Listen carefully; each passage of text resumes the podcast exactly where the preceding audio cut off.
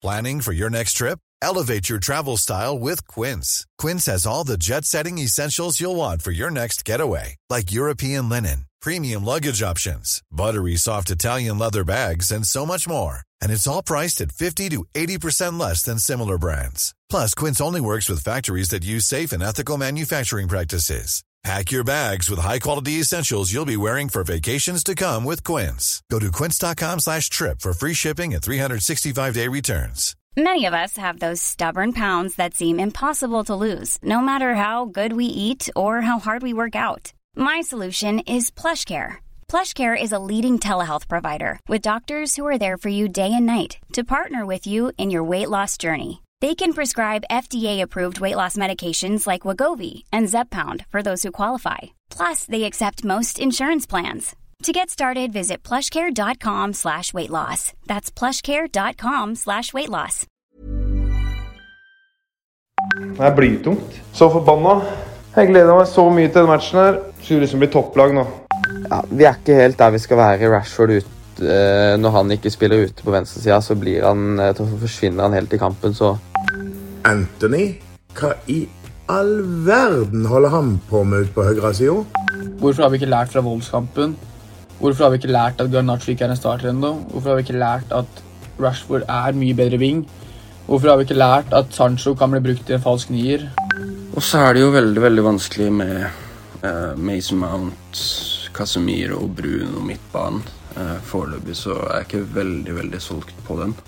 Og var det nå egentlig så lurt å gi Bruno det kapteinsbindet nå når det ikke lenger er lov å snakke til dommeren? Hvor mange gule kort kommer Bruno til å snakke på seg i løpet av sesongen? Jeg tipper 25 pluss.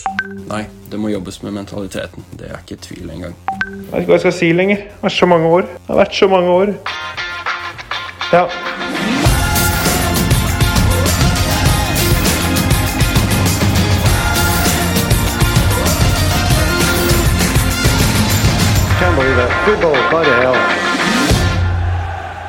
Hverdagen er her. Jon Martin er hjemme med sykt barn. Et tungt United-lag trøbler på bortebane igjen. Og du ser kamper i opptak, Fredrik. Ja, jeg var ferdig klokka kvart over elleve eller halv tolv på lørdagskvelden her. Um, da var det vanskelig å legge seg, så det var helt fint at minstemann våkna og trengte at jeg satt inne på rommet hans neste, de neste 90 minuttene her. Fikk jeg rå med meg, jeg òg. Ja. Christian Nilsen, velkommen tilbake. Tusen takk, hyggelig å bli invitert tilbake hjem. Rett fra VM-finale til Uno-studio. Du er vant til å stå opp tidlig. Um, I løpet av det mesterskapet her. Det var vel flere United-jenter som markerte seg med positivt fortegn i Australia og New Zealand. Ja, det var det, og særlig keeperen. Jeg er imponert over Mary Earps. Hun er en kjempegod keeper. Jeg syns hun tar ting til et nytt nivå, rett og slett. Det er noe av det aller beste jeg har sett på keeperfronten på, på damefotball, som jeg har fulgt gjennom bortimot ti år. Ganske tett nå. Veldig, veldig bra. Mm. Spania blei verdensmestere. Det var liksom ikke Englands tur heller på kvinnefronten. Nei, det var ikke det. Det kunne utmerket godt vært det. Hadde ikke vært noe å si på hvis England hadde vunnet den kampen. To veldig gode lag som er i den finalen, så det var helt uh, greit uansett hvem som hadde vunnet, uh, egentlig. Sett mesterskapet under ett og, og, den finalen. Hvis England hadde klart å benytte seg av de mulighetene som var, og skape det trøkket mot slutten som man hadde forventa da de gjorde noen grep og satte Millie Wright opp på topp, så kom liksom aldri det der stormløpet. Mm. og så var det jo en annen liten sånn United-relevans der, da, for Spania får jo et straffespark på en hens. Uh, som er klar etter reglene. Like klar som den United ikke fikk mot eh, Tottenham. Merkelig yep. at uh, ting skal vurderes så forskjellig. Ja, det var en av mange ting som frustrerte våre Uno-venner, som vi hørte i introen her. Applaus til samtlige som leverte på lørdagskvelden der. Sterkt. Veldig gøy. Mm. Vi lovte å dele ut en genser, og det skal vi gjøre, Fredrik. Ja, jeg syns jeg, Hvis jeg skal få æren av å gjøre det, så syns jeg han som um, melder tydelig på både Antony og Bruno, er det samme person? Det er Sigurd. Det er Sigurd. Mm. Um, hva i alle dager? Uh, den er, den, nå vet jeg ikke om jeg traff på direkten, beklager i så fall, men uh, han syns jeg var, var sterk og fortjener en genser. Skuespiller Sigurd Sele, du får en Uno-genser i eh, posten. Jeg tror til og med jeg har adressen din, for du har vunnet en kopp fra oss før. Så sånn er det. Um, vi har fått inn over 100 spørsmål. Ja. Vi rekker ikke gjennom alle, men det sier litt om uh, hvor uh, mye det brenner her, Christian. Ja, og jeg skjønner jo fortvilelsen blant mange og kan jo kjenne meg igjen i, i noe av det som eh, blir sagt. Og så er det jo da at det er viktig å ikke få panikk. Det er spilt eh, to kamper. Vinner vi mot eh, Forest eh, nå til helga, som man må regne med at man eh, gjør, så har man eh, seks poeng, og da er man maksimalt tre poeng bak eh, de som leder. Så det er, det er ikke mørkt, eh, men det er klart det er en del å ta tak i. Men eh, pust med magen nå, folkens. Ja, De spørsmålene vi har fått er ganske mørke. Eh, vi skal gjøre vårt beste, eh, komme med gode svar og kanskje også noen løsninger. Men vi begynner med et veldig åpent spørsmål fra Niklas. Hvorfor er United så dårlig? Bra spørsmål. Men var de For, for min del så er det um, Jeg, jeg skulle lage kjøreplan til denne episoden her, Eivind. Uh, jeg begynte å skrive Game of two halves. Fordi jeg syns ikke at kampen som helhet er så dårlig. Jeg syns at United var elendig i egentlig hele matchen mot Wolverhampton. Mot Tottenham borte så kan United veldig fort lede til pause. Det er ikke fordi de gjør en feilfri første gang, men det er en klar oppgradering fra det vi fikk se mot Wolverhampton i min bok. Jeg syns den første omgangen er mer enn godkjent. Den er positiv i store perioder, og det er gode angrep, det er gode skåringsmuligheter. Og så er bekymringen hvor mulig Eller hvor, hvordan er det mulig å falle så mye til en andre gang og levere noe som ikke er i nærheten nok en gang, da. Så nå har vi på en måte levert én god omgang av fire. Det er jo bekymringsverdig, men kampen som helhet er ikke bare mørkt og elendig. Første gangen er, eh, den er ganske god bort mot et bra Tottenham-lag med ny manager og full av energi. Så alt er ikke bekmørkt, men andre gangen er det. Ja, jeg har ikke lest alle matchrapportene fra i de engelske mediene, men jeg antar at Harry Kane er nevnt i ganske mange av de, og ikke bare fordi det er et Tottenham-lag som virker å, å klare seg godt uten superspissen, men fordi Manchester United kunne trengt Kane på topp til å sette disse sjansene. Eh, og det er jo en god førsteomgang, som du sier, eh, Fredrik. Eh, Rashford har jo en god mulighet. Bruno har en absolute sitter der, som, som skal være mål. Um, og vi har en hands-situasjon der også. Um, Christian, overreagerer, overreagerer vi litt her? Ja, det gjør man, men det er jo sånn det skal være. Det er sånn eh, fotballen er, og det er, det som, eh, er noe av det som gjør det så interessant, det at man kan snakke om sånne ting og gå fra fortvilelse til eh, glede i løpet av et ett sekund. At man kan grave seg litt ned og søke trøst hos andre når det ikke går bra. Men jeg er enig med Fredrik om at i den første omgangen så er det mye bra. Så må vi ikke glemme at vi spiller mot et lag som spiller med ti mann nesten i hele kampen, siden de har eh, Richarlison, for han er jo nesten bare å se bort ifra. Så det er skuffende at Så vi de ikke klarer trenger å Kane, de jo, Eh, egentlig. De hadde definitivt trengt Kane, og jeg syns jo at Tottenham egentlig er ganske svake. Eh, Men så er det noen ting, det er noen nøkkelsituasjoner i den kampen som gjør at de spillerne, og spesielt publikum, får noe så sinnssykt momentum. For tar vi ledelsen 1-0 der, som vi burde ha gjort, burde ha fått en straffe, at ikke Bruno setter den, eh, det er jo helt vanvittig, men, men sånn skjer. Eh, Og publikum merker at oi, dette, dette er jo ikke helt bra. For den derre greia med første hjemmekamp og ny manager, ja det er kjempefint når det går bra, men hvis det ikke går bra, så kan jo det bli eh, kjempehøye skuldre. Og det føler jeg at egentlig alle i, Tottenham er i ferd med å få. Og så får de den starten på andre omgang, og da er det jo bare en sånn der forløselse. En sånn voldsom greie som eh, skjer der. Eh, men de har jo ingen spiss. Så egentlig så burde jo vi bare kunne kjørt den kampen i andre omgang mer enn det vi gjorde i første. Eh, og det Jeg, jeg blir jo bekymra over at vi ikke klarer å framstå tøffere, mer solide, litt sånn fram med brystet. Ok, gutta, nå, nå bare lads it Spurs. Litt der, altså. At vi bare går ut og tar dem. For jeg, jeg mener at Tottenham lå der, og de var klare. Ja, men spesielt med tanke på også at det er et Tottenham-lag uten Kane. Eh, så det er et lag vi egentlig skal gå i strupen på. Eh, Du blir ikke nødvendigvis straffa. Nei, og så etter den første gangen nå, så sitter jeg egentlig veldig trygg. Jeg sitter der og ser kampen i opptak, vet ikke hva som har skjedd. Det tikker inn eh, logg fra dag hvor jeg akkurat klarer å unngå å se liksom hva det står der. Eh, men det er liksom Det momentumet de får ut av andre gangen, gjør at jeg tenker at her er ikke United i nærheten.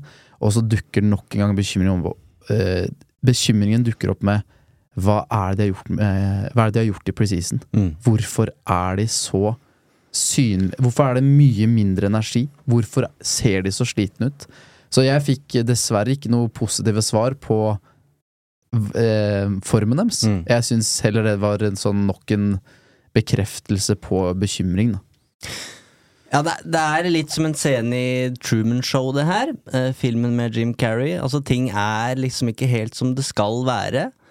Eh, det har vært nå et år med Erik Den Haag, eh, og som Henrik skriver, hva er planen? Hvor er forbedringa? Hva skjer egentlig ute på banen? Hvorfor er vi i det som virker som det komplette kaos etter bare to serierunder og en sommer som fram til august tilsynelatende var gode greier. Og her må nok vi som sitter her i Uno-studio ta litt av ansvaret, Fredrik. For vi har vært med på å dytte fram den hypotesen om at hvis Erik Den Haag får det vil, som, som, han vil, så, så, vil det bli regnbuer og såpebobler på Old Trafford. Og det er det ikke den uka her. Det har det ikke vært i de to første serierundene. Og hvorfor det er sånn, det er jo et av de store spørsmåla i fotballen akkurat nå.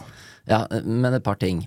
Ehm, det har skjedd veldig mye på fortsatt veldig kort tid i eh, fotballverden i Manchester United. Vi har snakka om det før. Det var et tankskip som skulle snus. Ten Hag kommer eh, inn og er i ferd med å velte om på en stall som hadde soleklare svakheter, og det var langt igjen til de aller beste lagene. Det er det ene. Dette tar tid. Han har også fått inn uh, nye spillere nå som går rett inn på laget. Mason Mount. Altså, Fotballen er ikke sånn alltid at det bare klikker. Noen ganger så gjør det det, og da tenker man at hvorfor gjør det ikke det hver gang? Men det ligger bare i fotballens uh, natur. Det er ikke så enkelt. Og så er det den preseason hvor United skal kjøre maksimalt løp på alle mulige fronter. Jeg har ikke oversikt over hvor mange mil de andre lagene har fløyet, men jeg vil jo mistenke at selv om Ten Hag hadde en, eh, en finger med i spillet her, så er det en belastning i løpet av den turen der i USA som er ganske vanvittig. Jeg tror mm. kanskje Christian Eriksen har oversikt, for han uh, hinta litt om at det hadde blitt kanskje vel mye ja, det, du hører ikke United-spillere si det før, altså. Nei. Når de har fått streng beskjed om at dette mm. er det som betaler lønna di, så mm. hold kjeft. Så at han åpner litt opp eh, på det der, det tror jeg forteller ganske mye om en følelse bak scenen hos veldig mange. Og det, det setter seg i beina, og det setter seg i huet. Og når du da møter et Wolverhampton-lag som, eh, som, så ut som uh, våryr Et eller annet dyr, kom ikke på noe godt i farten. Uh, så, så, ja, så, så ser det jo bare helt grusomt ut. Og derfor var det jo en opptur den første omgangen mot mm. Tottenham. Man tenkte at dette, dette er jo mye bedre. Mm. Det var det. Så igjen, det er litt sånn kjedelig, men vi må prøve å slappe litt av oppe i eh, kaoset av uh, følelser. Jeg, jeg, skjønner de følelsene, men vi, må, vi må roe oss litt ned. Jeg er helt enig, og frustrasjonen er veldig Det er veldig lett å forstå den. Samtidig så ønsker ikke jeg å bidra med noen sånn påtatt positivitet, men jeg er på ingen måte så panisk eller så stressa som folk hvis folk tar med seg den følelsen de hadde etter kampslutt på lørdag, og har den nå, så mener jeg at det kanskje er lov å puste litt i magen og slappe av litt. Jeg var også veldig frustrert etter lørdagen, men, men jeg er ikke kjempebekymra ennå. Og så skulle jeg ønske at vi så bedre ut nå som sesongen er i gang, enn det vi gjør. Uh. Vi er nødt til å adressere noen utfordringer her, for ellers så har vi ikke noe å snakke om i dag. Eh, United tapte 2-0 for eh, Tottenham. De har én seier eh, på bortebane mot topp, altså fjorårets topp ni-lag med Ten Hag, så der er det en, en, trend som må endre seg hvis det skal bli topp fire, sannsynligvis. Hva syns dere er mest kritisk? Hvor er det det brenner? Hva er det Ten Hag må løse? Det hadde vært veldig fint hvis han kunne løst at spillerne hans begynner å skåre mål på kjempestore sjanser. Mm. Det er ikke så mye han kan gjøre med, bortsett fra at han har kjøpt en spiss. Men det presset som er på Rasmus, Rasmus Øylunds eh, skuldre Altså, nå forventer hele verden, og igjen, sånn er det bare. Mm. Urettferdig, men sånn er det bare. Nå mm. forventer alle at han kommer inn og skårer. Mm. Nesten i hver eneste kamp. Og skårer han ikke i sin første kamp, eller de to første, Stakkars mann. Da håper jeg at han har veldig brede skuldre og gode rådgivere som kan, eh, som kan holde godt rundt han og hviske han noen eh, søte ord eh, i øret, altså. Men det er, jo, det er jo det som man ser i den, der, den tregheten hos så mange, hvis man begynner med det, som ikke er bra. Og så har han jo noen sånn organisasjonsmessige utfordringer, men igjen, det tenker jeg at det kommer han til å fikse. Det kommer til å løse seg. Mm. Ja, det er sjansesløsinga som har vært et problem under hele tiden til Ten Hag. og og da er det, da er det absurd at spissen jeg mente skulle komme i tillegg til Harry Kane eller Victor Osman, er han som skal redde oss. Um, så det er, en, det er, en, stor oppgave. Uh, jeg tror også at nå må vi bare skrote Rashford uh, der framme, sånn umiddelbart. Det er toppskåreren vår som var toppskårer fra venstrekanten i fjor. Det er jo også en svakhet at vi driver og flytter på våre beste spillere i posisjoner der de ikke helst vil spille, og der de ikke er best heller. Energinivået er det jeg bekymrer meg aller mest for.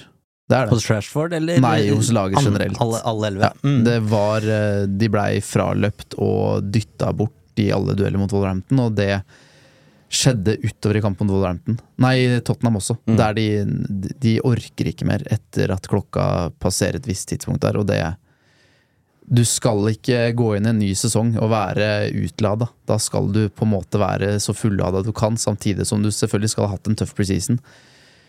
Du er inne på det, Kristian, med mye reising, og du nevner at Kristian Eriksen har sagt det han har sagt. Og jeg tror også at når du først sier det, så tror jeg det ligger veldig mye mer bak det enn bare de ordene vi leser. Da tror jeg det er en stor frustrasjon, i eh, hvert hos han personlig, og sannsynligvis hos flere òg. Jeg er kjempebekymra for akkurat det. La oss holde litt fast i Rashford. Um, en Marcus Rashford på venstrekant i form er vel i verdenstoppen, så hvorfor bygges ikke laget rundt han? Få han i form, der han vil være og trives best. Hvorfor ser ikke Ten Hag dette, spør Steinar. Jeg, jeg tror Ten Hag ser det, og så ser han på treninga hvilke alternativer eh, han har. Det er en grunn til at Martial virker å være så langt ned på lista til eh, Ten Hag som det omtrent er mulig å komme når det ikke er noen alternativer.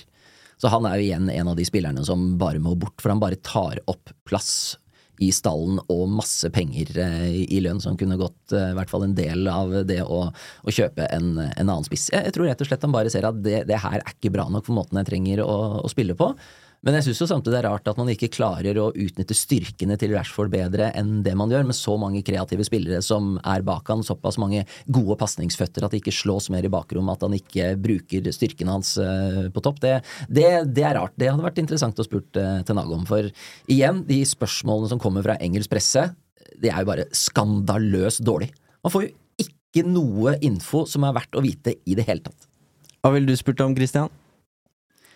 Jeg ville vil jo spurt om akkurat det der med Rashford, å gå helt konkret på uh, hvorfor han bruker han uh, som spiss. eh, hvorfor han ikke er på venstrekanten der hvor han var så god i fjor, og hvorfor de ikke klarer å benytte seg av styrken hans. For alle vet jo hva han er god på. Man kan jo ikke stå med ryggen mot mål og fighte mot to midtstoppere. Det går ikke. Nei, altså Bare for å spille videre på det. Alternativet er vel kanskje Jaden Sancho i en falsk nier, som eh, det da blei trent på i, i sommer. eh, Og som Øyvind skriver, hvorfor bruke hele preseason på, på å drille Sancho i falsk nier, men likevel bruker Rashford på topp? Og når Sancho først kommer inn, så spiller han venstrekant. Har dere svaret på det, så blir jeg imponert, mine herrer.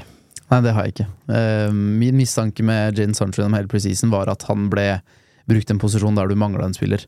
Så han fikk på en måte øvd seg, og så grep han sjansen og viste at dette er noe han mestrer. Men jeg tror på ingen måte at det har vært noe førstevalg for Tenag i det hele tatt. Men jeg syns jo at det har fungert såpass bra at jeg ville foretrukket at Sancho starta mot Tottenham, og at Rashford da fikk spille venstre. Fordi Garnaccio ikke grep sjansen, fordi Rashford er best der ute, og fordi Sancho har fungert der. Men jeg syns jo det på en måte uten at Det bekrefter ikke mistanken min, men jeg føler at hele tiden siden jeg tenkte at Sancho skulle bare fylle en rolle, han, han er ikke tiltenkt noen startplass der oppe, så syns jeg det på en måte gir mening. Mm. Men vi skal ikke, jeg skal ikke ha Rashford fra start som spiss mot eh, Nottingham Forest. Det vil jeg ikke ha. Men jeg vil skyte inn her at jeg syns ikke Rashford ser ut som en sånn 30-målsmann, uansett hvor han spiller på banen. Jeg syns han mangler noe. eh, som resten av gjengen, da, bortsett fra kanskje André Onana bakerst der, som ser veldig bra ut. Så jeg tror ikke alt løser seg bare ved å dytte han eh, ut på kanten heller, for da har man et hull på topp. Ja, har det. uh, Og det var jo veldig mange som var dårlige mot uh, Wolverhampton. Men Rashford var, kanskje med tanke på det han gjorde i fjor, den aller dårligste. Den aller tyngste, den aller seigeste. Ja, og dette her er en kjempeutfordring han står overfor nå, å skulle følge opp de 30 måla. Det er både altså, fans av det engelske landslaget og United-supportere som nå nesten forventer at han skal følge opp.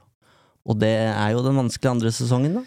Ja, og så er det jo det som Ten Hag også har snakket om der, hvor, hvor han er så opptatt av å hente ut de der siste små marginene, de siste prosentene. At det du har gjort før, det teller ingenting. Det han sa om apply yourself, uansett hva det er, men særlig utenfor banen, det, det sier han jo på grunn av at han virkelig mener at her er det noe, eh, noe å hente. Og det er jo ingen altså, som aner hvordan Rashford eh, lever livet sitt. Han lever det sikkert veldig, veldig bra, men han kan sikkert leve det enda litt bedre. I likhet med alle de andre. Og hvis Ten Hag sier det, så er det fordi han ser at her er det noe som mangler hvis vi skal bli like gode som uh, City. Og det vil Ten Hag, og da må vi jo være med han på det. Mm. Jeg tror heller ikke at um, Jeg syns sesongstarten til Rashford også er på en måte skremmende svak. Så jeg, jeg tror heller ikke at han bare går, går inn på venstrekanten og herjer. Men jeg vil at United bruker sine beste spillere i sine beste posisjoner. Og så er det en grunn til at Ten Hag har på en måte blitt tvunget litt til å gjøre som han gjør. Høyre er ute med skade. Jeg tipper han har gått rett inn hvis han har vært frisk, fordi at han ønsker en spiss. Han ønsker selvfølgelig å bruke Rashford der Rashford er best. Men eh, også bekymra til Jeg tror ikke det bare automatisk Da klikker alt, og da er alt fint igjen. Men eh, la oss i hvert fall starte der, da.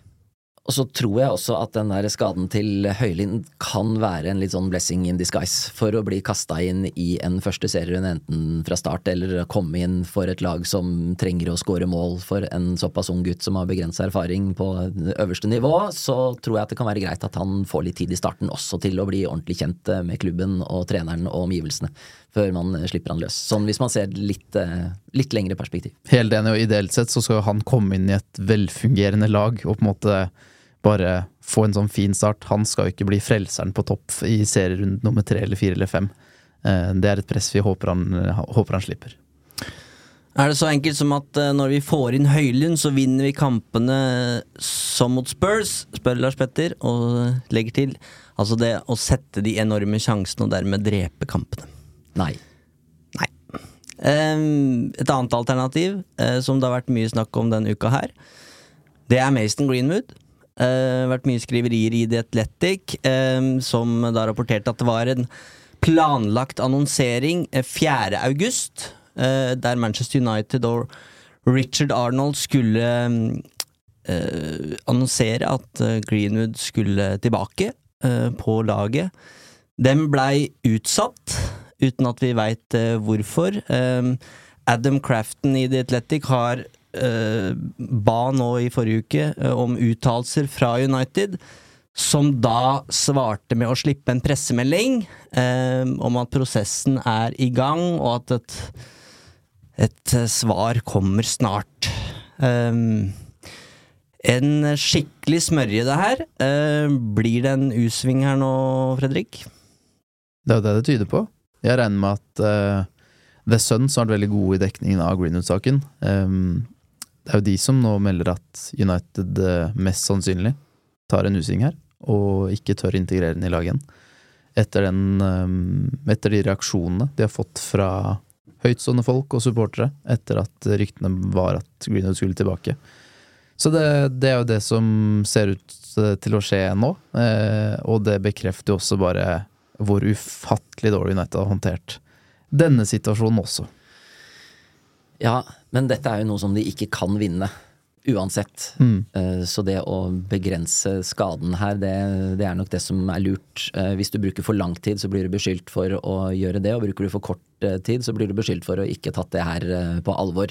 Du kan jo også se det på den måten at dette har de jobba veldig nøye med over lang tid, etter en plan. Og så sier de nå sender vi ut et lite signal, og så ser vi hva som skjer. Mm. Men vi er ikke sitert på noe. Det er ingen som kan si at vi har sagt at han skal tilbake, mm. og så snudde vi. Vi kan si at etter en totalvurdering eh, nå, så terminerer vi eh, kontrakten.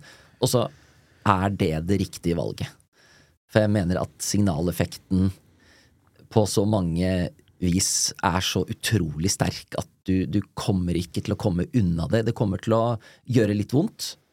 Uh, men, men, det må vi bare stå i, alle sammen, altså, for det er, det, er, det er, noen litt større ting enn uh, en det som står på spill her, mm. syns jeg. Men, det, for jeg synes det er interessant du sier, for jeg tenker at hvis det har vært en strategi bevisst fra United sin side, om at vi på en måte Det kommer en lekkasje, vi er ikke sitert på noe, og basert på reaksjonene, så tar vi en avgjørelse.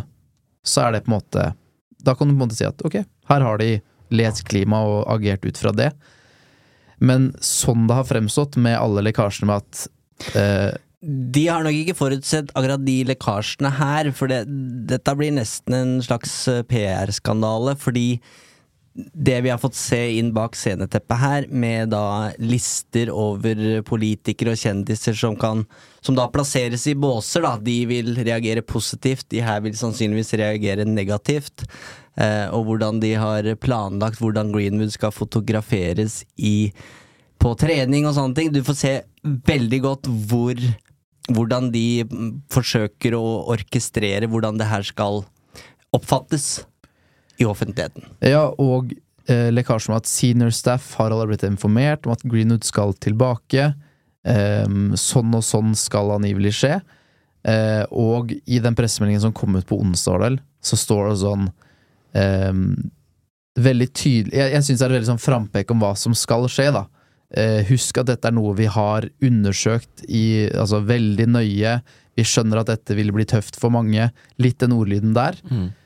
Og da tolker jeg det som en sånn Hvis United har gjennomgått en privat etterforskning av dette, og konkludert med at basert på de funnene vi har gjort, så skal Greenwood tilbake, og så trekker de seg nå, basert på hvordan folk reagerer, det syns jeg i så fall er ufattelig amatørmessig. Men jeg er helt enig, de kan ikke vinne denne situasjonen her. Og det å på en måte ta tilbake han også ehm, Jeg har egentlig ikke lyst til å si hva jeg mener er feil eller riktig, men jeg syns i hvert fall dette er utrolig klønete håndtert. Hvis det er sånn som jeg mistenker at det er. Det er litt sånn det står igjen. Eh, dårlig håndtert, rett og slett. Mm. Vi veit ikke hva som har skjedd internt, men ut fra det som har kommet ut, Mm. så, så står Manchester United veldig dårlig igjen.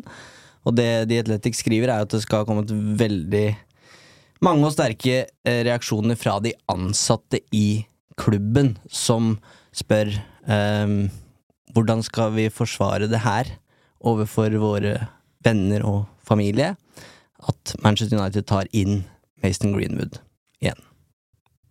Mm. Planning for your next trip? Elevate your travel style with Quince. Quince has all the jet setting essentials you'll want for your next getaway, like European linen, premium luggage options, buttery soft Italian leather bags, and so much more. And is all priced at 50 to 80% less than similar brands. Plus, Quince only works with factories that use safe and ethical manufacturing practices. Pack your bags with high-quality essentials you'll be wearing for vacations to come with Quince. Go to quince.com slash pack for free shipping and 365-day returns. I'm Sandra, and I'm just the professional your small business was looking for. But you didn't hire me because you didn't use LinkedIn jobs. LinkedIn has professionals you can't find anywhere else, including those who aren't actively looking for a new job but might be open to the perfect role, like me. In a given month, over 70% of LinkedIn users don't visit other leading job sites. So if you're not looking on LinkedIn, you'll miss out on great candidates like Sandra. Start hiring professionals like a professional. Post your free job on linkedin.com/people today. Hey there, it's Michelle Norris. I'm host of a podcast called Your Mama's Kitchen. When I travel, I'm usually looking for a way to find a taste of home when I'm not at home. And one of the things I love to do when I am at home is entertain. And Airbnb allows me to do that. When I was in California recently, I rented a house that had a great kitchen. And when we were sitting around the table, we're all thinking, we're in someone else's house. Someone could be in all of our homes as well. If you have a home, but you're not always at home, you have an Airbnb. Your home might be worth more than you think. Find out how much at airbnb.com/slash host.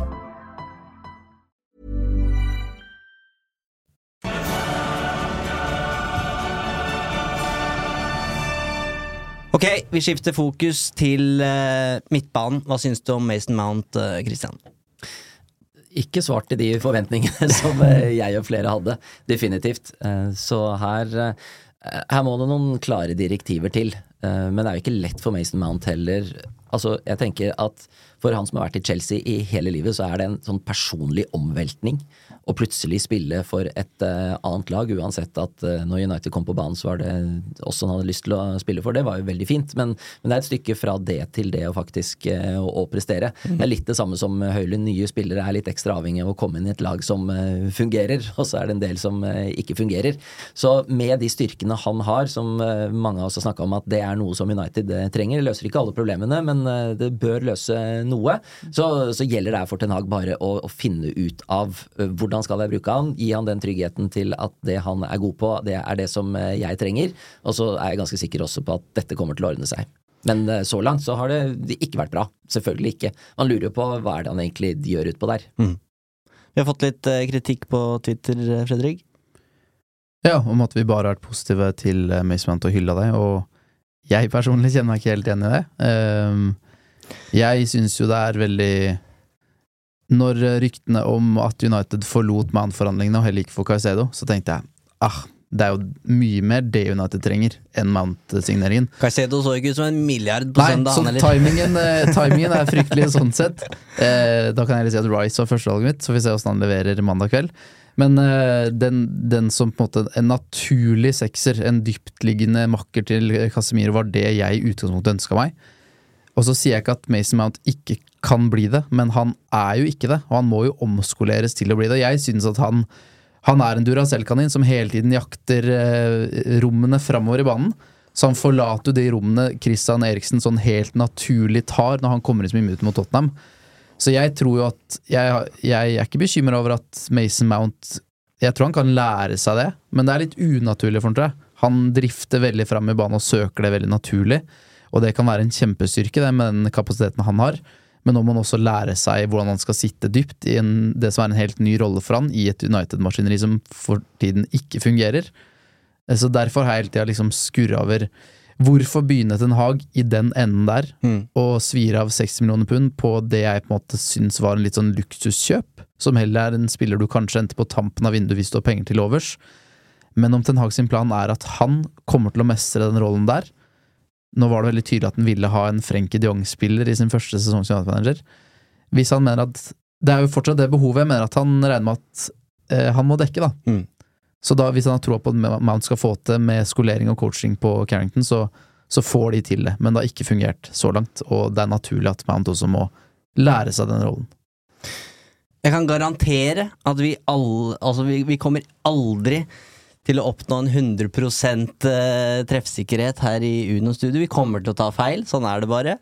Um, men håpet vårt med den Mount-signeringa var jo at Ten Hag hadde en veldig klar plan på hvordan han skulle bruke denne spilleren som de har brukt 55 millioner pund på.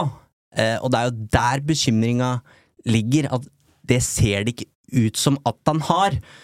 Eh, og det ser i hvert fall ikke ut som at Casemiro er ung nok til å dekke de enorme romma som har vært der, både mot Tottenham og mot, uh, mot Wolverhampton.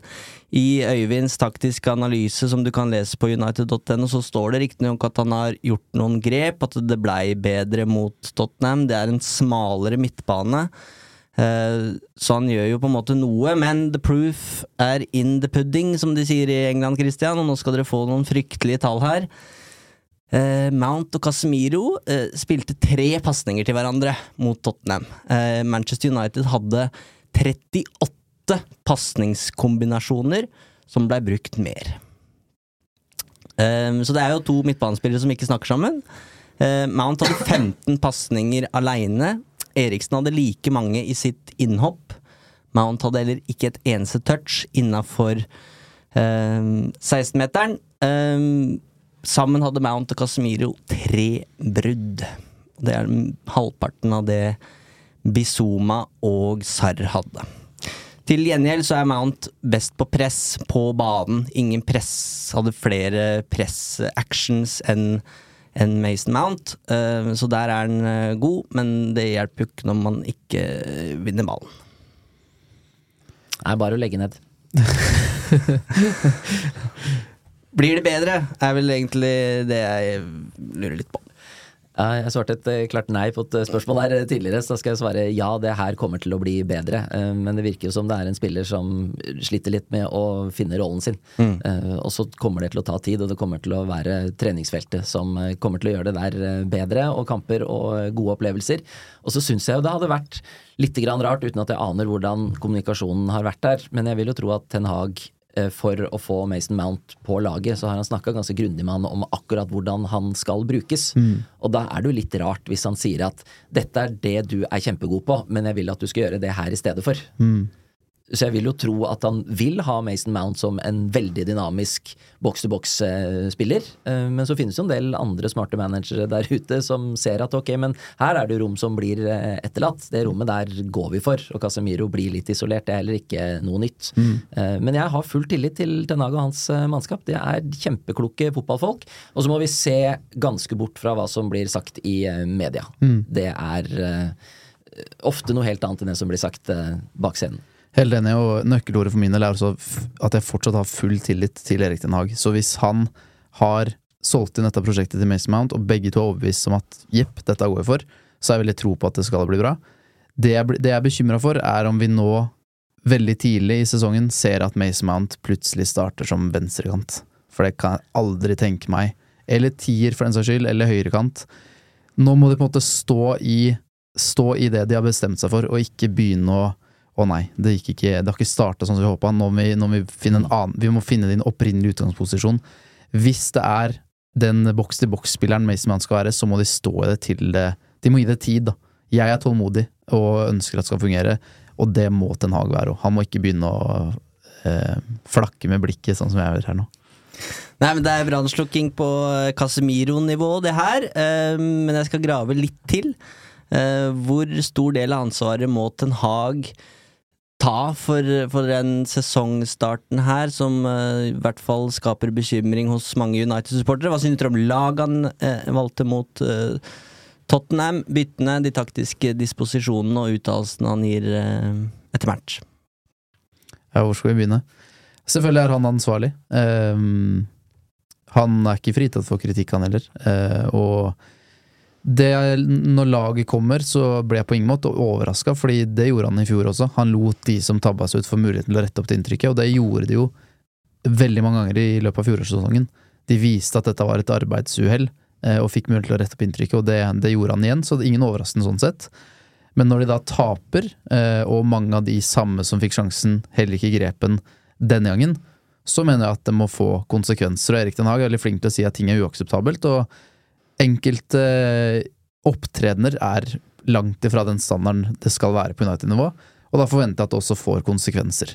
Ehm, du kan ikke beskytte um, Anthony fordi han hadde den prislappen fordi det var ditt prestis- prestisjeprosjekt at han skulle inn. Så jeg har lyst til å se den nådeløsheten fra Ten Hag også når det gjelder på en måte hans egne, eh, ikke bare de som var der før han kom. Det har jeg lyst til å se nå, for ellers så begynner også det å på en måte rokke litt ved troverdigheten hans, syns jeg.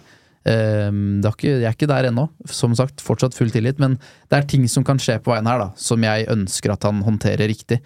For min del så Spillerne kommer alltid til å gjøre feil, dommerne kommer alltid til å gjøre feil. Ten Hag kommer også til å gjøre feil. Han skal også få lov til å lære. Og jeg er ikke utålmodig på hans vegne i det hele tatt. For min del så kan han få til å prøve å feile gjennom denne sesongen òg. Og hvis vi er i sesong tre, og jeg fortsatt tenker at ah, hvor skal du nå, Ten Hag? Da begynner jeg å bli ordentlig bekymra. Nådeløshet, det syns jeg han har vist ved flere anledninger at eh, det har han når det trengs. Eh, Og så må det være nådeløshet når det er eh, krevd, ikke hva omgivelsene krever. Mm. Og virker jo som litt av, som du er inne på Fredrik, altså litt av filosofien hans er at du som ikke var god nok forrige gang, jeg har så tro på deg at du kommer til å være bedre i dag. Det er jo ikke noe dum filosofi, det. Eh, og et eller annet sted så må man gjøre endringer hvis dette, hvis dette fortsetter. Eh, men jeg var ikke veldig overraska over at han ikke gjorde noen endringer, også fordi jeg tror ikke at laget hadde ikke framstått på noe veldig forskjellig måte hvis han hadde gjort én eller to endringer et eller annet sted. Her er det laget, formen og strukturen som er det store problemet. Jeg er litt redd for at vi er litt der vi var forrige høst. At Ten Hag har hatt en veldig ambisiøs plan her om hvordan Manchester United skal spille eh, den sesongen her. Og så er det litt for ambisiøst. Det er ikke godt nok. Om man overvurderer de spillerne som er der grann, eller hva det handler om. Men at man må litt back to basics. At det blir for store rom å dekke for, for Casemiro. At eh, Garnaccio og Antony de, de har ikke nok slutt, sluttprodukt til at det, det blir et så bra United-angrep som det, det det skal være. Og vi ser hvordan Di Serbi og Postekoglu Nå satt den. Satt den sterkt. Eh, forvandler et fotballag på veldig kort tid. Jeg husker det var det samme med Solskjær, som hele tida skulle få tid. Så kommer Tuchel inn, og bare bang! Champions League-finale på et halvt år.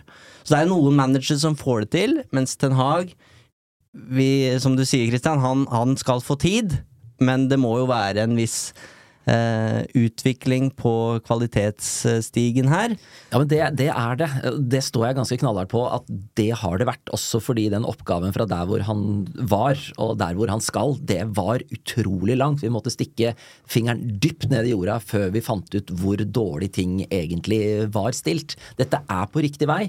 Og sånn som den sesongen her er, med de andre som har gjort eh, forsterkninger, veldig mange sterke konkurrenter, så mener jeg at kommer han topp fire i år, så er faktisk det en veldig god prestasjon. Jeg forventer ikke noe mer enn det. Jeg blir ikke overraska hvis vi kommer på femteplass. Men jeg mener fortsatt at da kan det, uh, avhengig av sesongen, hvordan den blir selvfølgelig, så kan det fortsatt være framgang. Mm. Det er hardere konkurranse under Premier League enn det noensinne har vært. Mm. Vi må ikke glemme det. Hvordan gikk det med Tuchel i Chelsea? Og så er det også verdt å, å se litt på de andre topplaga. Eh, apropos Chelsea, eh, de, har ikke, de, de er ikke i fyr og flamme. Eh, Tottenham spilte 2-2 mot Brentford i sesongåpning. Altså selv om det er eh, full fest der denne uka her, så tror jeg ikke det blir stabile resultater og clean sheets der hver eneste uke. Eh, vi har et Liverpool-lag som slapp var heldig som slapp unna på lørdag mot, mot Bournemouth. Newcastle står med tre poeng, så det er ikke United er jo ikke hekta i noe, i noe, i noe kamp om topp fire her etter to matcher. Det er bare litt hvordan det ser ut som, Mm. som skaper litt bekymring. Men det, det er to kamper. Mm. Eh, og det er så langt igjen, og det er så mye som kan skje, så mye som kommer til å skje. Uh, dere snakka om uh, sesongåpninger her i, en, eh, i forrige episode, var det vel, eller gangen før det, som, Mm. eh, som jeg synes var veldig morsomt å høre på. Eh, og da kan man jo spole tilbake til 1992-93-sesongen. At hvis, det, hvis Twitter hadde eksistert i 92-93, så kan dere gå tilbake og, og se hvordan den sesongen starta. Så hadde det jo vært altså det hadde vært brenn ned stadion, spark manageren og alle spillerne og bare begynn helt på nytt. Ta da, Fergie. Ja. Vi går til eh, spalte, vi. Eh, det var altså sesongåpninger eh, forrige gang. Våre beste sesongåpninger. Eh, jeg lurte på om vi skulle ta våre tre verste United-matcher, men jeg tror, eh, tror det holder med, med dommedagsprofetier for i dag. Så vi skal se på største talent. Jeg ga deg en lekse, Christian. På, grub, du kan gruble litt på hvem som er det største United-talentet du har sett på vei til studio i dag. Og så skal jeg skru litt på oppgaven, fordi om det ikke er det største talentet, så i hvert fall det største talentet vi hadde veldig stor tro på, eller som vi trodde skulle lykkes. Um, fant du noen svar på veien? Eh, det var litt sånn eh, de jeg har eh, sett eh, Jeg har jo ikke sett George Best eh, spille, bortsett fra på eh, YouTube. Eh, Jeg tror vel ikke det er noen tvil om at han er på en måte det største talentet som klubben har fostra. Sånn ordentlig, hvis Ja. du ser på de som ikke er eh, kjøpt. Og da tenker jeg ikke på en sånn Altså det er liksom Rooney, han er noe, han er noe annet. Han er faktisk eh, kjøpt. Uh, og så Ryan Giggs på en andreplass. Den beskrivelsen som Ferguson hadde av uh, Giggs, at det, det ser ut som en, som en cocker spaniel som jager et sølvpapir gjennom vinden. Altså Det er jo helt fantastisk beskrevet, og det er jo akkurat sånn han var. Han fløyte oppe på gresset. Men hvis vi går bort fra det, for Giggs er jo litt sånn åpenbar, så tror jeg faktisk at Keith Gillespie han fikk meg fram på stolsetet da han debuterte for United. Eh, Han var utrolig god, og vi elsker jo vinger i United. ikke sant? Historien er full av eh, gode vinger både i fortid eh, og, og, og nåtid. Men Keith Gillespie han hadde noen ferdigheter og var en spiller som virkelig skapte kaos hos motstanderen. Jeg var, jeg var veldig glad da vi kjøpte Andy Cole, men at Keith Gillespie gikk motsatt vei for én million pund, det syns jeg da, der jeg sto på videregående skole på bussen på vei til Oslandsgymnasium og, og fikk den beskjeden, det syns jeg var sørgelig, for han hadde levert sinnssykt bra i de få minuttene som han spilte.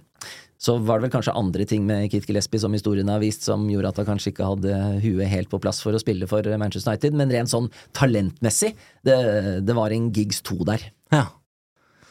Blei ikke den helt store karrieren i Newcastle heller. Gjorde ikke det. Nei. Ferguson visste hva han gjorde, igjen. Han gjorde som regel det. Fredrik, hvem er det som har fått deg til å sitte litt ute på sofakanten? Nei, her har jeg ikke lyst til å svare, vet du. Jeg, jeg um, um, Første jeg kommer på, er uh, Adem Jajic og Soran Tosic, som ble henta fra Partisan ehm, i 08-09-sesongen eller noe. Ehm, de hadde jeg sett litt for mye av på YouTube i forkant, og tenkt sånn Her, her har vi sikra oss 16- og 18-åringer eller et eller annet. For jeg tror uh, Tosic var den jeg på en måte var mest fan av. Eh, men Jajic var liksom det største talentet. Mener han kom som 16-åring, så var det sånn Du måtte kjøpe han ene for å få med han andre. Um, og så blei det liksom eh, det var, det var ikke nærheten av å bli noe på Old Trafford. Eh, men jeg, jeg skammer meg på en måte over svaret mitt, for jeg bør komme på noe, på noe bedre enn dette. Men det var det første jeg kom på, fordi ung og naiv så var det på en måte sånn Yes, nå kjøpte United de YouTube-talentene som, som jeg har sett.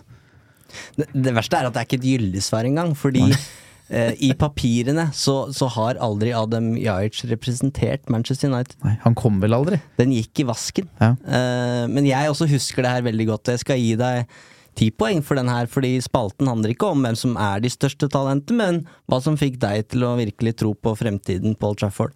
Og Jajic var jo en av dem. Eh, jeg trodde mer på han enn Tosic. Mm. Og jeg husker jeg syntes det var ufattelig trist når han da endte i Fiorentina istedenfor United, og tenkte her Dette er en sånn spiller som United nå går glipp av, og som kommer til å herje i Europa de neste 20 åra. Det ble ikke sånn.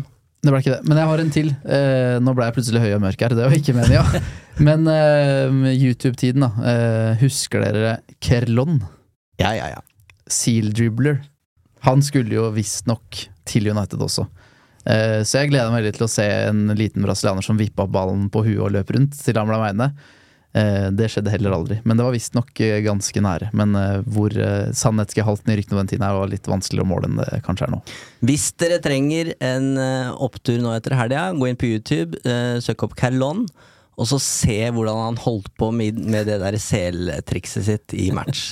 Helt vanvittig. Hadde ikke funka i Premier League. Så Fredrik, du hadde én sel, du hadde en som aldri representerte klubben, og en som fikk fem minutter. Det er helt korrekt. Han var ikke god for reservelag heller, han godeste Soran Tosic, så det Ikke se på meg når dere skal liksom eh, på talentspeiding. Det, jeg overlater det til andre.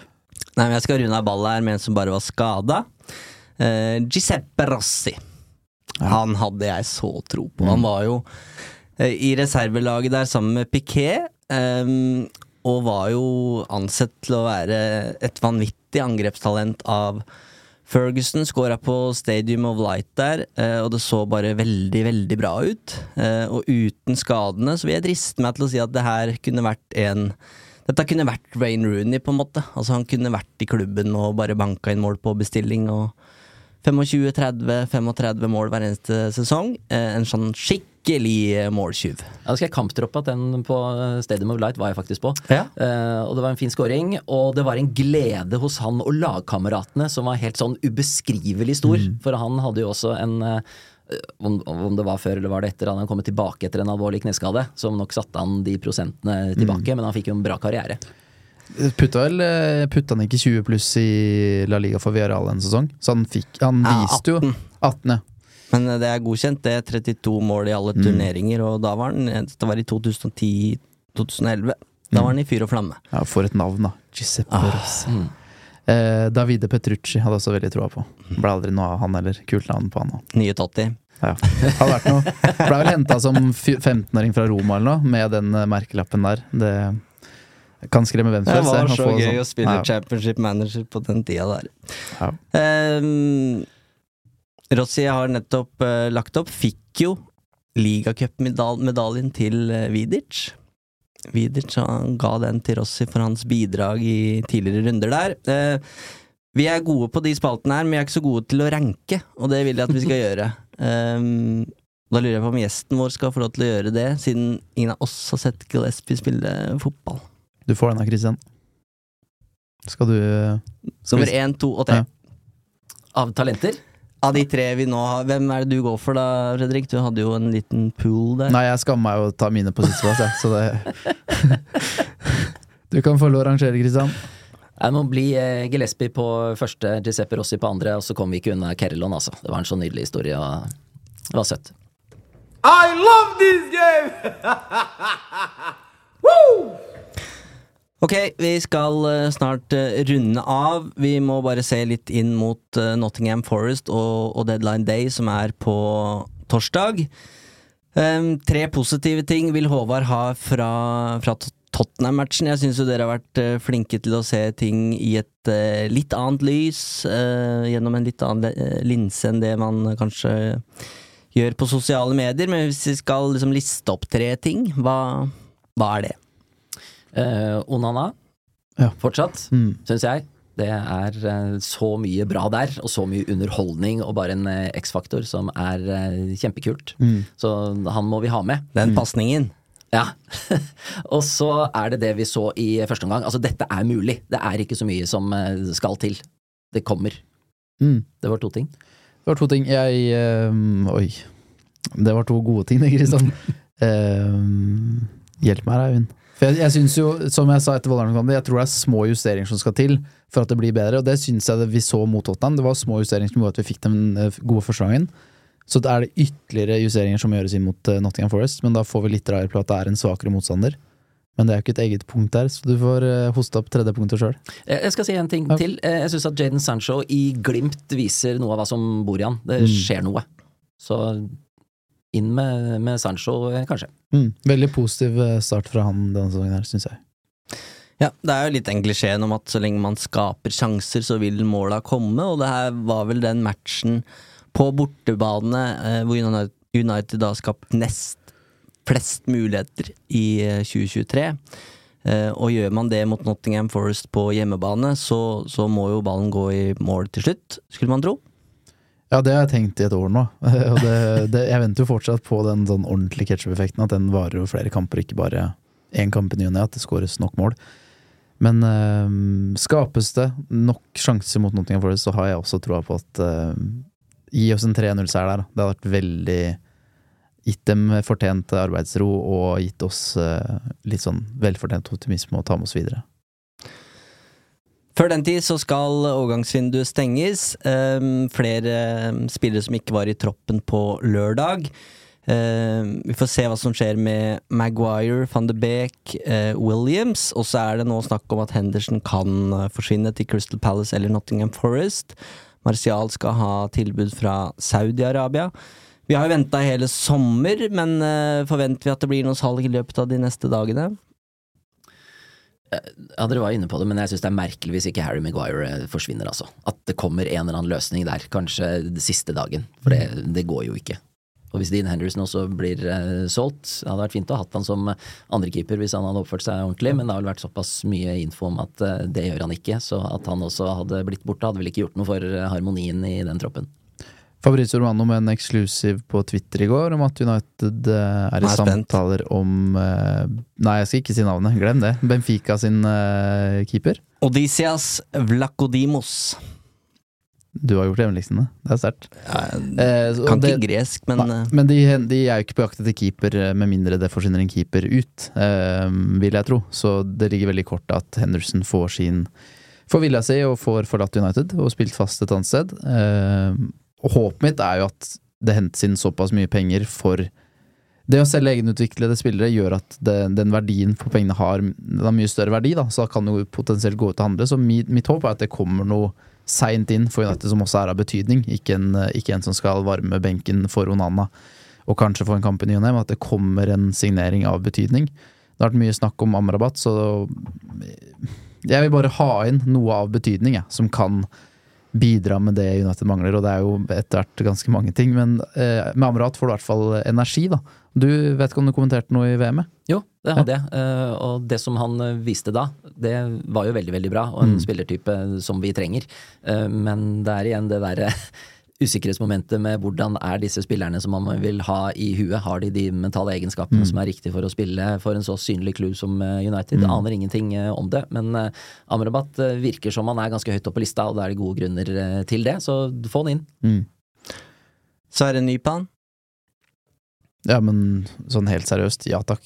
Det, å plukke opp eh, så unge talenter fra Eliteserien som på en måte nå, nå har jeg visst om det en stund, at jeg har fulgt med på den, eh, da har jeg tenkt sånn Nå, nå går ikke det under radaren lenger, for nå har han fått gjennombruddet sitt. Men eh, at United skal være best på å plukke opp eh, store talenter også når det gjelder Eliteserien, ja takk. Spiller Mambiram Dioff fortsatt? Ja. Ta den, eller? Hæ? Nei. Takk noe mer Mambiram nå. Vi har, han har fått sin eh, tid i denne podkasten her. Men, men laget mot, mot Nottingham, hvor, hvor drastisk vil dere at endringene skal hva, hva gjør Ten Hag nå mot Forest? Hva ville du gjort, Kristian? Eh, ikke mye. Eh, jeg syns det hadde vært veldig spennende å gitt eh, Pelistri sjansen fra Mm. start. Han må jo ha sendt nakenbilder til kona til eh, Ten Hag, for der er det jo et eller annet som eh, ikke stemmer i det hele tatt. Dere har jo snakka om det. Det skjer jo alltid noe når han Mm. eh, kommer inn, men å vrake Antony for han tror jeg sitter eh, veldig langt inne. Jeg Mm. tror ikke det blir eh, mange endringer. Men eh, å se Rashford eh, ute på kant, og kanskje en Sancho i midten, siden Martial ikke holder mål Ja. Mm. Jeg, jeg mener helt seriøst at vi må begynne å snakke litt om sånn hvor, Hvorfor er Antonin så beskytta? Han må jo levere, han òg. Eh, jeg avskriver han ikke, jeg bare sier at du må prestere på et visst nivå for at du skal få fornya tillit. Jeg føler at han får spille uavhengig av hvordan han har prestert. Eh, han går rett inn elveren så fort han er frisk, er mitt inntrykk, og jeg syns at han også har godt av å ordentlig føler på konkurranse, og i hvert fall når han har en så spennende spiller. Det sitter både én og to eh, som virkelig kan gå inn på laget og potensielt gjøre og prestere kjempebra. Sancho skal ideelt sett ikke spille høyrekant, men han kan jo i teorien også konkurrere med Anton der ute. Pelistri inn fra start, jeg ser ikke hva måte det skjer, men jeg skulle veldig gjerne ønske å se det. Jeg hadde blitt veldig glad om jeg fikk se han fra start, og også at Anton er litt forbanna og skuffa over at han ikke fikk starte, så at han også har noe å bevise. For det har han også når han starter, men at man graver enda dypere, da. Eh, For det er ikke noe på innsatsen det går på med Antony, men jeg, jeg, jeg syns ikke han presserer godt nok til at han skal være klink og bankers i laget til Denang. Det syns jeg ikke. En kort sånn høydepunktsreel hvis du skal plukke ut det han har levert eh, mot Wolverhampton og Tottenham. Eh, Antony, Stolpe, stolpeskuddet, da. Eh, Så han er jo nære på. Eh, Og da ville jeg kanskje ikke sagt det jeg sier nå, men du får alltid innsats, og det, det, det vil jeg hylle han for. Men jeg syns det er for tynt, det som leveres framover. Det er for mange enkle balltap, det er for mye egoisme. Eh, og jeg syns den kvikkheten og hvor god Pelistri er én mot én, der jeg syns Anten ofte må vende hjem og slå han tilbake, eh, der syns jeg Pelistri ser friskere ut. Eh, og derfor har jeg veldig lyst til å se den løsningen der. Så får vi se åssen Ten Hag komponerer eh, midtbanen. Eh, kanskje Eriksen kommer inn der. Eh, hvis det ikke funker mot Nottingham Forest, så blinker i hvert fall varsellampen hos meg, for da er det Rice, Ødegaard og Havertz på Emirates helga etter. Uffa meg. Ok, da eh, krysser vi eh, fingrene. Vi kan vel ikke gjøre så mye annet? Det er bare å krysse i vei. Vi trenger det.